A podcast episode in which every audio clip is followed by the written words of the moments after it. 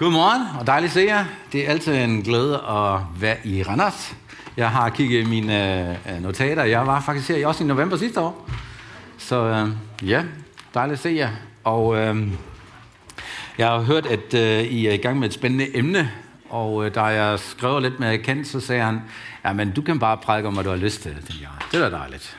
Så behøver jeg ikke holde mig til det emne, men sådan, jo mere jeg reflekterede over det og hørte Max Bracken i, øh, i søndags, så passer det alligevel lidt ind, i hvert fald sådan i det overordnede. Så må I se, om I kan bruge det til noget. Um, det er jo vigtigt, at vi i de her tider kender vores historie. Og det er vigtigt, at vi kender vores rødder, uh, fordi uh, vi har brug for at stå på et solidt fundament. Verden vakler jo, kan man roligt sige. Uh, der sker så mange ting, og der er så mange ting, der påvirker os at man nogle gange tænker, hvad skal jeg egentlig vælge, hvor skal jeg bevæge mig hen, og hvor, hvor går min egen vej midt i den her meget komplekse verden. Og hvis I følger med på de sociale medier, så ved I jo godt, at vi bliver påvirket fra den ene side og den anden side, og der sker så mange ting, at man nogle gange bliver helt forvirret. Og der er det vigtigt, at vi som kristne, som troende, ved, hvilket fundament vi står på, og det er vigtigt også at kende historien. Her i Citykirken i Aarhus, er vi i gang med at optage de gamle øh, på video, for at fortælle os, hvordan det var at bygge kirken dengang. Fordi øh, jeg har fundet ud af, at de er over 80 de fleste, der har været med til at bygge kirken dengang. Og, og det er rigtig sjovt at høre deres historie og øh, have den dokumenteret. Også for den næste generation, når vi kigger tilbage og siger, hey, det er sådan, det var, dengang vi gjorde de her ting. Så historie er vigtig, fordi Gud han skriver historie. Ellers havde vi faktisk ikke den her bog. Gud har skrevet historien ned, så at vi kan følge med og kende vores rødder og se, hvordan tingene har udviklet sig, så vi kan sætte tingene i perspektiv. Gud har faktisk ønsket, at vi kender historien. Jeg ved ikke, øh, vi er alle sammen vant til at bruge GPS efterhånden, ikke? Men hold fast, hvor det besværligt, når den ikke virker. Har I prøvet det? Man er jo helt lost. Så er det godt, at man alligevel måske nogenlunde har et landkort i hovedet, så man ved, at Aalborg det ligger nord, ikke? og Sønderjylland det er ned syd, så at man, man kender retningen lidt. Så det er godt at kende det store billede og se det store billede. Så derfor synes jeg, det er et hammer vigtigt emne, I har gang med, at man ser Bibelens røde tråd, og hvor den egentlig bærer hen. Så i dag har jeg valgt, mig, valgt at kalde mit emne, eller overskriften, Jesus er Guds plan A. Der er rigtig mange, der tror, eller har hørt det på den måde, at Jesus er Guds plan B. Plan B er jo ikke dårlig, hvis der er en plan, ikke? Men, men man tror, at det er plan B. Og jeg ved ikke, om du har hørt evangeliet på den måde, at fortællingen går ud på, at jamen, Gud skabte mennesket, og alt var fantastisk, og det var godt, og skabelsen er fantastisk. Men det gik jo galt, ikke, med Adam og Eva. Det gik jo galt, og øh, desværre syndede Adam og Eva, og så Gud var nødt til at løse det her problem. Det så han ikke lige komme. Jo, han vidste måske godt, eller, men, men Gud var nødt til at skabe en ny løsning. Guds plan B var, at så gik diskussionen måske i himlen i treenigheden. Jesus, er du ikke klar til at tage dig ned og frelse dem? Og betale en høj pris, så at vi kan genoprette det, hvad der er gået i stykker. Jeg har hørt evangeliet på den måde, og jeg har måske selv gang fortalt det sådan. Men det er ikke hele sandheden. Og jeg tror ikke, at Jesus er plan B. Lad mig vise jer, hvorfor. Hvad skete der virkelig? Jeg har et par bibelvers med, og dem skal vi læse langsomt, fordi de, der er meget tekst i dem, eller der er meget stof i dem. Uh, og jeg kommer ikke til at gå i dybt med hver eneste bibelvers. Jeg vil bare vise jer dem, at der står det, det står flere gange i Bibelen, at Jesus er plan A. Prøv at lige læse det sammen med mig her. Den, vi starter her i Efeserne. Nej, undskyld, Peters brev.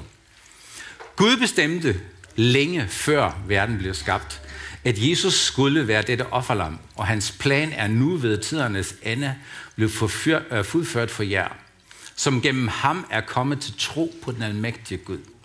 Der oprejste ham, altså Jesus, fra de døde og ophøjede ham til det himmelske herlighed. Derfor kan I have fuld tillid til, at Gud giver jer del i det evige liv. Det handler her om, om Jesus død på korset, og at vi har fået det evige liv gennem ham. Men det, jeg vil gerne bede om at lægge mærke til, det er, at Gud bestemte længe før verden blev skabt, at Jesus skulle være det centrale. Hvordan kan man det, når man siger, at Adam og Eva er Guds plan A, og det gik bare galt? Vidste Gud godt, eller regnede han med Adam og Evas fejl? Så, så, så, ja, hvad er det? Vi tager lige den næste. Der siger Paulus i Efeserne 1, allerede i tidernes morgen besluttede Gud på grund af sin kærlighed og efter sin egen fuldkommende plan, at han gennem Jesus Kristus vil gøre os til sine børn. Endnu før han grundlagte universet, udvalgte han os til at få lov til at stå som renset og skyldfri foran ham i kraft af, hvad Kristus ville gøre for os. Endnu en gang siger Paulus, det første det var Peter, der sagde det. Længe inden Gud overhovedet skabte Adam og Eva, og længe inden Adam og Eva overhovedet syndede, havde Gud en plan gennem Jesus, og ikke gennem Adam og Eva. Tag lige en mere. I ser stadigvæk lidt skeptisk ud. Vi taler om Gud med Guds visdom om den frelsesplan, der hele tiden har været som et mysterium, og som han udtænkte før verden blev skabt. Med den hensigt at give et vidunderligt liv til alle, der hører ham til. Altså, Gud, Jesus og Helligånden var i himlen, på tronen, treenigheden, inden jorden overhovedet blev skabt. Det Paulus siger her, det er så, så, så udtænkte, han, udtænkte han en plan, at han gennem Jesus vil have sig et folk, en nation, nogle mennesker, der får et vidunderligt liv. Det er hans plan af. Og nu kommer toppen her. Vi kan se den usynlige Gud ved at se hans søn, som er herre over alt det skabte. Det, det tager jo det refererer til skabelsen. Men alt i himlen og på jorden bliver til og eksisterer ved hans medvirken for hans skyld. Både det synlige og det usynlige, inklusive alt, som har magt og autoritet i den åndelige verden. Og ham, der taler om det, er Jesus. Alt i himlen og på jorden bliver til og eksisterer ved hans medvirken og for hans skyld. Um, det sætter tingene lidt i et andet perspektiv, end at Jesus er plan B. Og du kan tænke måske, at ah, det er da fuldstændig lige meget, hvem der kom først, ikke? Er det ikke at lige meget, at om det Adam og Eva var der først, og så kom Jesus for at redde dem, eller om Gud først tænkte på Jesus, og så skabte han mennesket? Er det ikke fuldstændig lige meget? Det er faktisk ikke lige meget, fordi det kommer at påvirke din måde, du læser din Bibel på. Det kommer til at påvirke, hvilken rækkefølge du tænker. Vi vesterlændinge, vi er jo vant til, at vi tænker meget kronologisk. Jøderne tænker meget mere i cirkler. Og tænker og lægger læge på læge på læge på læge, indtil du får det hele billede. Derfor har vi også to eller tre gange skabelsesberetningen. Den første, det, den, den, den fortæller hele historien, og så går man lidt mere i dybden i næste runde. Så Bibelen har en lidt en anden måde at læse på, og det her sætter tingene endnu mere i perspektiv, at det er Jesus, der er i centrum, og det er ikke os, der er i centrum. Forestil dig det sådan, at Gud, sammen Jesus, Gud far, Helligånden, sidder i himlen. Jeg var ikke med selvfølgelig, ikke? Men, men sådan forestillede jeg mig det. Og de sagde, hvordan kan vi udvide vores kapacitet? Hvordan kan vi vise vores kærlighed og vores kreativitet? Hvad kan vi gøre? Jeg vil gerne have et folk, siger Gud faren. Ikke? Og, og Jesus siger, ja, jeg vil også gerne have et folk. Og jeg vil gerne have en brud. Og Helion siger, jeg vil gerne have et tempel. Hvordan, hvordan kan vi gøre det her? Og så siger Gud til Jesus, er det ikke det hele i dig, det skal ske? Kunne du ikke tænke dig at blive menneske? Så siger Jesus, der er ikke nogen mennesker. Vi skal først skabe dem, så at du kan blive menneske. Der skal ske noget først. Vi skal først skabe en jord. Vi skal først have Adam og Eva, så du en dag kan komme og forbinde himmel og jorden. Og skabe noget, som er så enestående, som ikke findes overhovedet andre steder. Og derfor skabte Gud Adam og Eva. Så at der en dag Jesus kan blive menneske. Vi er skabt for hans skyld. Det er ikke os, der er i centrum. Og det er ikke så meget, at det gik galt for os. Gud havde en plan lige fra starten, at alt skal dø, og alt skal genopstå. Opstandelsen spiller en kæmpe rolle i det nye testamente. Alt skal dø, og alt skal genopstå. Jesus er den første, der døde på et kors, og han er den første opstået fra de døde. Og så alt det her, der kommer til at ske, der kommer noget nyt, som Gud gerne vil skabe gennem Jesus. Og rækkefølgen spiller en kæmpe rolle. Det er ligesom uh, lidt med, når man bygger et hus, og man køber en byggegrund. Man kan jo sige, ja, det er vigtigt, at man køber en byggegrund, ellers kan du ikke bygge et hus. Men hvad er vigtigst, byggegrunden eller huset? Det handler jo egentlig om huset, og ikke så meget om byggegrunden, ikke? Byggegrunden er vigtig, men huset er det centrale. Det er der, du udtrykker uh, din uh, kreative sensor og din byggestil, og det er der, du skal bo, det er der, du skal være. En byggegrund alene er egentlig ikke nok. Den er også vigtig, den er ekstremt vigtig, men huset er det sted, hvor du bor til sidst. Og jeg vil øh, bruge det, det eksempel på, at Gud skabte Adam og Eva, skabte jorden, så at Jesus kommer i centrum og bliver menneske som os, så at vi kan blive mennesker som ham. Det var hele tiden formålet. Jesus har hele tiden været i centrum. Og alt, hvad der bevæger sig i det gamle testamente, og alt, hvad, der, hvad du ser i historien, det bevæger sig hen mod den dag, hvor Jesus kom. Og det, øh, den proces blev startet der. Man kan sige, at Adam og Eva blev skabt for Jesus skyld, så at Jesus, Jesus kunne blive menneske. At Jesus kunne få en modpart, en brud, et folk, som han er konge for. Gud har altid drømt om at bringe himmel og jorden sammen. Paulus bruger faktisk det begreb, at Adam er, eller at Jesus er den anden Adam. Den første skabelse blev skabt ud af kaos. Og Guds ånd kom, og Gud skabte den første Adam. Og Jesus er den anden Adam, som skaber faktisk menneskeversion 2.0. Det er en ny version, ud fra den gamle. Og på den måde fornyer Jesus alt på den her jordklode. At han fortæller os i det gamle testamente, at se, jeg gør alting nyt. Eller at han siger, jeg skaber en ny himmel og en ny jord. Det starter med, at du og jeg bliver født på ny og får et nyt liv og lever det nye liv i den gamle verden. Det overlapper sig lige nu. Og derfor er du ikke længere kun en del af den gamle skabelse, du er også en del af den nye skabelse. Og det giver os nye perspektiver. Så er det ikke længere os, der er i centrum, og vores fald, at vi er faldet, og alt det der, og det går galt, og bla bla bla bla bla, alt det der negative, ikke?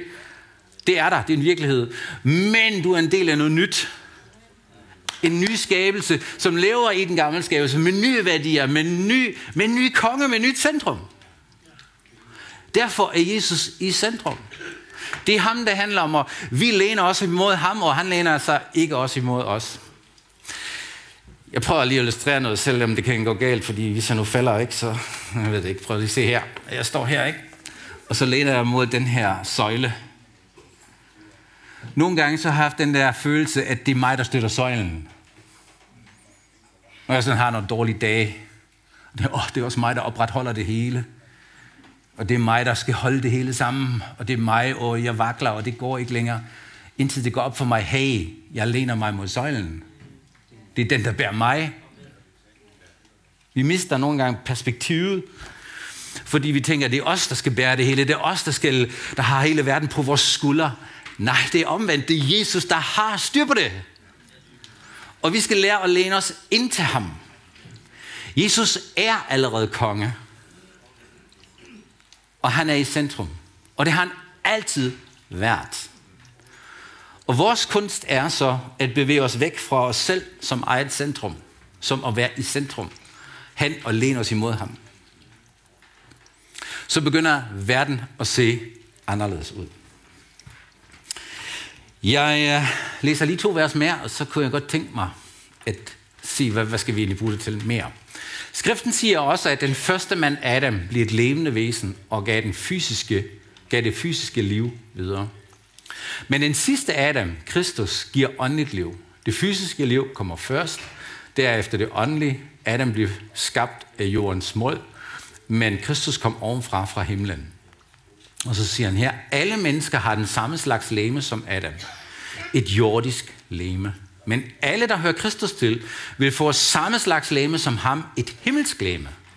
Ligesom vi fik et jordisk læme, skal vi også få et himmelsk læme. Og så kommer den her. Hør godt efter, venner, siger Paulus. Et almindeligt menneske af kød og blod kan ikke få del i det kommende Guds rige.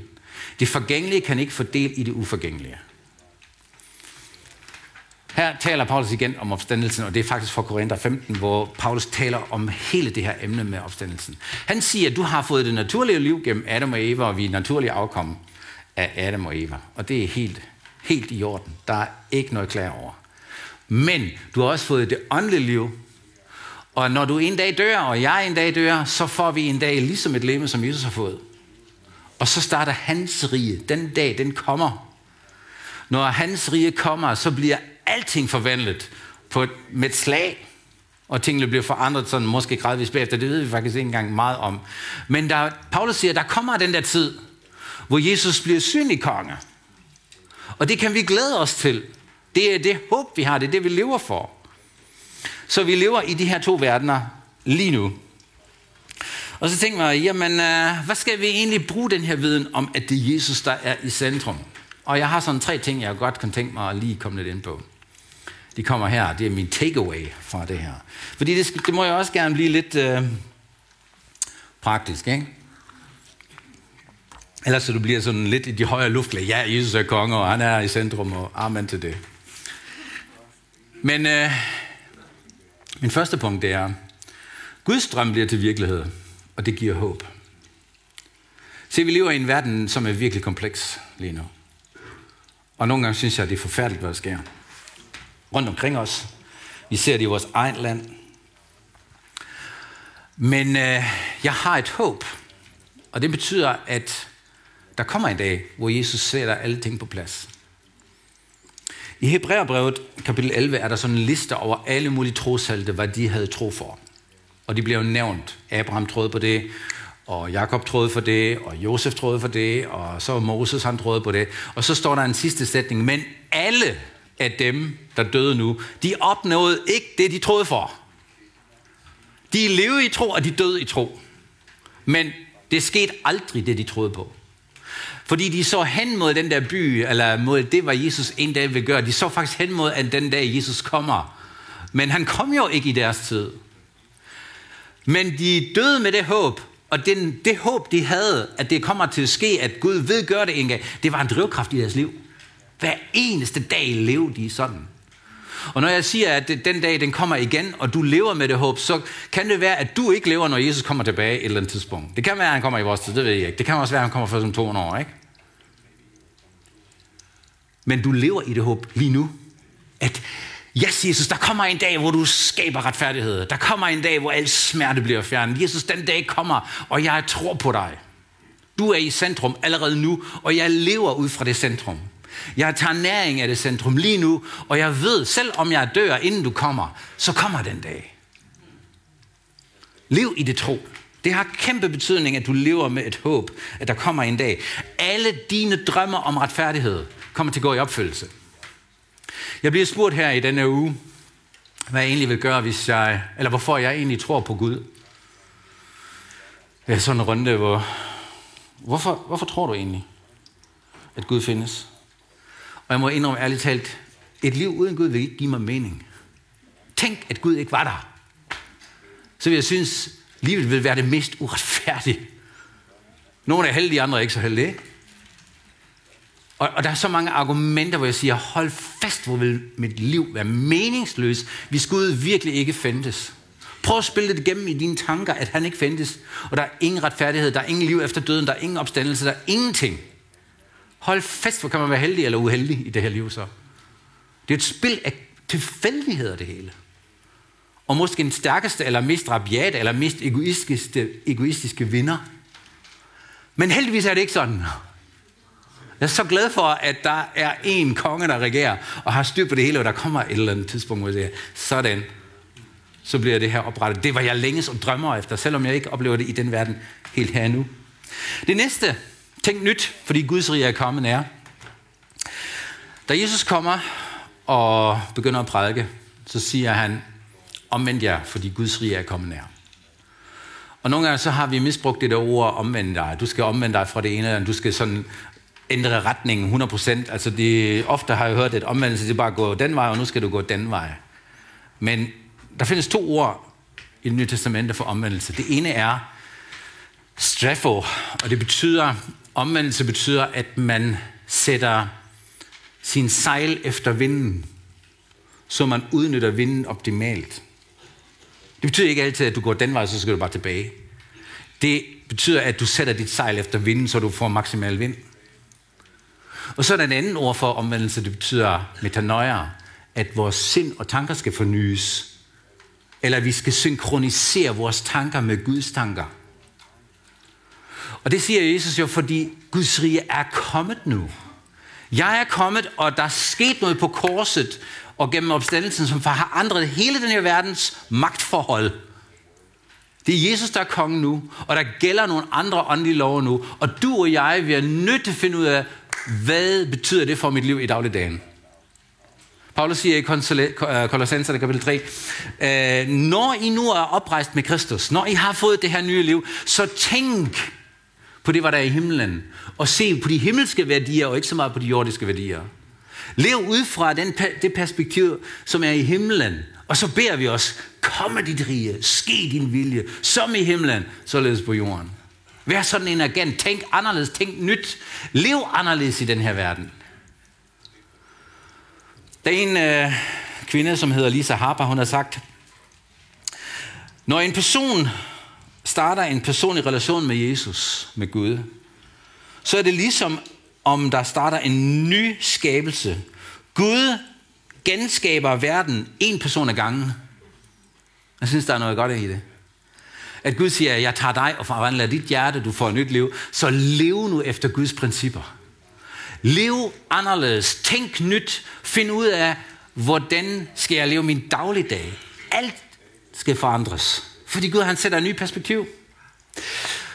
Tænker du, ah, er det også nu lige meget, at alt skal tænkes om, eller alt skal tænkes nyt i forhold til, at Jesus er i centrum? Jeg ved ikke, om I har været på Aarhus Banegård. Øh, det er sådan en banegård, som, øh, hvor alle skinner, jeg mener, der er en enkelt spor, øh, eller to til vi faktisk ikke, men de fleste spor, de ender i Aarhus, altså på banegården. Så kører du ind der, ikke? Og så kan man jo sige, er det ikke fuldstændig lige meget, hvilke spor du sætter de tog på, og hvor du kører hen? De peger alle sammen i den samme retning. Er det ikke fuldstændig lige meget? Det er det faktisk ikke. Fordi længere ude af hende vejen, ikke, så går den ene op til Aalborg, den anden er mod, mod, uh, mod, mod, mod syd. Så selvom det ligner meget af hinanden i starten, ikke? De, øh, de, de spor, de viser alle, den, de kører alle sammen den vej her ud af Aarhus. Men længere hen ad vejen, så kan du ikke skifte spor. Så kommer du enten syd eller nord. Så det er ikke lige meget, hvilket spor du sætter dig på. Og derfor er det også vigtigt, at vi som kristne fornyer vores tankegang og lad Gud forny vores tankegang, så vi lever i dagligdagen med en helt anden værdisæt end folk omkring os. Og det sidste, jeg har lyst til at sige til dig, det er, lær at leve i en uperfekt verden. Vi er nogle gange rigtig aktive og vil så gerne forandre vores verden og gøre den til en bedre verden. Og det må du gerne i den verden, du lever i. Men det bliver rigtig tungt, hvis du vil forandre hele verden. Det kommer heller ikke til at ske, inden Jesus kommer tilbage. Øh, og jeg øh, tænker, at det er vigtigt, at vi som kristne lærer at leve i en uperfekt verden. Lærer at leve med det. Lær at fagne og acceptere. Nogle ting er givet, som du ikke kan ændre. Giv slip på den der, jeg skal ændre hele tiden. Fordi det er Jesus, der er kongen. Han ved det, han skal nok tage sig af tingene, men du kan ikke forandre alt. Um, Jesus bruger en lignelse, der han taler om Guds rige, og han siger, at han, han sammenligner det med den gode væde, som landmanden kommer og så ud, og øh, så dagen efter, eller ved ikke, en par dage efter, så er der en fjende, som så ukrudt. Og medarbejderne i den lignelse, de er helt ivrige og siger, skal vi ikke ud og prøve at se, du har der kun sået gode ved, og nu er der ukrudt, hvad skal vi gøre? Skal vi ikke gå hen og plukke alt ukrudt? Og der siger Jesus, nej, nej, lad det stå indtil høsten. Lad det gro indtil høsten. Og til sidst, så skal vi nok samle alt det ind. Men hvis I plukker ukrudtet nu, så fjerner jeg også den gode ved. Så Jesus siger faktisk, hey, lær at leve med, at der er ukrudt. Lær at leve med, at ikke alt er perfekt. Lad det stå. Det er stadigvæk ukrudt, ikke? Det bliver aldrig godt. Det bliver aldrig til ved. Heldigvis kan du godt se forskellen mellem veden og ukrudtet. Men lad det stå. Lad at leve med det. Der er mange situationer, hvor du og jeg er nødt til at bære over med tingene. Ligesom Jesus gjorde. Jeg mindes en situation, hvor Jesus stod foran øh, Pilatus, og Pilatus siger, ved du ikke, at jeg har magt til at løslede dig, eller korsfæste dig? Så siger Jesus, du har ingen magt over mig. Og hvis jeg ville, hvis jeg ville det ikke, så kunne jeg bestille tre legioner engle lige nu. Og så var du færdig. Men, siger Jesus, det gør jeg ikke. Jeg kunne, men jeg gør det ikke. Fordi jeg vil gerne, at Guds vilje kommer til at ske. Og jeg tror, at vi nogle gange skal have den holdning. Jeg kunne godt måske bruge min magt, men jeg er nødt til at bære over og finde ud af, hvad vil Gud i den her situation. Gud vil bringe leder. Gud vil bringe forandring. Gud vil gøre noget, og jeg er nødt til at finde ud af, at Jesus er i centrum, det er ikke mig. Det er ikke engang min velbefindende, der er i centrum. Jeg stoler på, at Gud mener det godt med mig, og han vil mig det allerbedste. Men der er nogle situationer, hvor jeg skal lide. Og Gud befrier mig ikke bare for lidelsen. Der er nogle ting, der går ud over mig. Uretfærdigheder. Synden. Andre folks synder. Og Peter siger, at vi skal være som Jesus på det område. Vi skal virkelig være som ham. Og bære det. Så tænk om. Tænk, hvad har forandret sig siden Guds rige kom, og lær at leve i en uperfekt verden. Og så vil jeg sige lige, lige tilføje en ting. Lær med at leve med en uperfekt kirke. Prøv her, vi er kirken jo ikke dybt bedre. Men vi har en anden tilgang til det. Vi kan tilgive synder. Det kan man ikke derud. Der er det hævn, øje for øje, ikke? Og hvis du gør mod mig, så gør jeg mod dig. Og nu skal jeg bare sige, ikke? I kirken, der er en anden klima. Vi har de samme udfordringer som alle andre. Kan I ikke lige sige amen? Ikke? Ja, det har vi nemlig. Så lær at leve i en uperfekt verden. Lær at leve i en uperfekt kirke.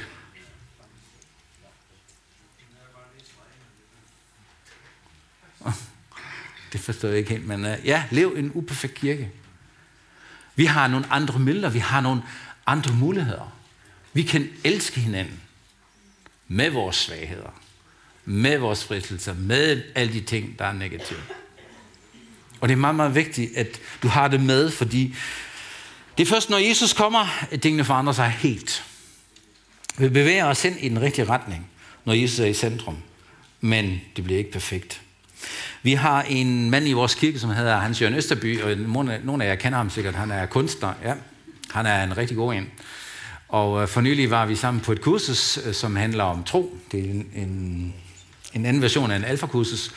Og så sagde han noget rigtig godt, synes jeg, som jeg ikke har hørt før på den måde. Han sagde, kirken er ligesom et træningscenter. Du ser alle mulige mennesker i et træningscenter. I sådan et fitnesscenter, ikke? Det er jo ikke kun de slanke og fuldstændig gennemtrænede, der er i sådan et fitnesscenter. Det er sådan typer som mig her, ikke? Og andre, som træner for at få muskler. Som arbejder på og sveder for at få den der topmave væk, ikke? Det er et center, hvor man træner. Og det er kirken også. Hvor alle forhåbentlig træner, og nogle er mere ivrige end andre. Men det er ikke et sted, hvor du er perfekt og fuldstændig strømlignet. Så øh, lær at leve med en uperfekt verden. Lær at leve i den uperfekte verden med Jesus i centrum. Fordi Jesus er Guds plan A. Og det er ikke dig, der behøver at støtte ham. Ikke? Du kan da læne op af ham. Og så håber jeg, at du læser det nye testamente og det gamle testamente med, med det i tanker, at det er faktisk Jesus, det hele handler om. Og jeg skal forstå hans veje og hans hjerte, så at jeg kan, kan leve med hans vinkel på, hvordan, vi, hvordan hans rige kommer, inden han kommer for alvor. Jeg vil øh, her til slut invitere dig til at give dit liv til Jesus, hvis du mærker, at øh, Jesus kalder på mig. Jeg har aldrig anerkendt ham som min herre. Jeg har aldrig sagt til ham, at det er ham, der er centrum, og ikke mig længere. øh, så kan du faktisk gøre det her. Også dig, der måske følger med på streamingen. Øh, det handler faktisk om en lille bøn, og øh, jeg vil gerne bede den bøn nu, så hvis du sidder her og tænker, det har jeg brug for at gøre, og bekende mig til Jesus i dag. Jeg har fundet ud af, at, at det er meget mig i centrum, og ikke ham. Jeg vil gerne anerkende det, at det er ham. Jeg kan mærke, jeg forstår ikke det hele, men jeg vil gerne give mit liv til Jesus. Så bed det her bøn med mig. Og I, som har gjort det, kan måske også bare bede det med. Kære Jesus, tak fordi du har skabt mig og elsker mig, selvom jeg har valgt at gå min egen vej. Jeg erkender, at jeg behøver dig i mit liv, og jeg beder dig om, at du tilgiver mig, og tak fordi du døde på korset for min skyld. Jeg ønsker at følge dig. Kom ind i mit liv. Gør mig til et nyt menneske. Jeg tager imod din frelse og gør dig til her i mit liv. Amen. Og hvis du har bedt den bøn, og du følger med på streaming, så øh, er du velkommen til et ring på det nummer, der står på skærmen nu. Øh, vi kommer til at blande ud nu, så øh, vi håber også, at du har været med her, at du har lyst til måske komme og være med live her i, i kirken. Vi siger tak og for nu, og farvel til jer, som følger med på streaming, og så fortsætter vi gudstjenesten her.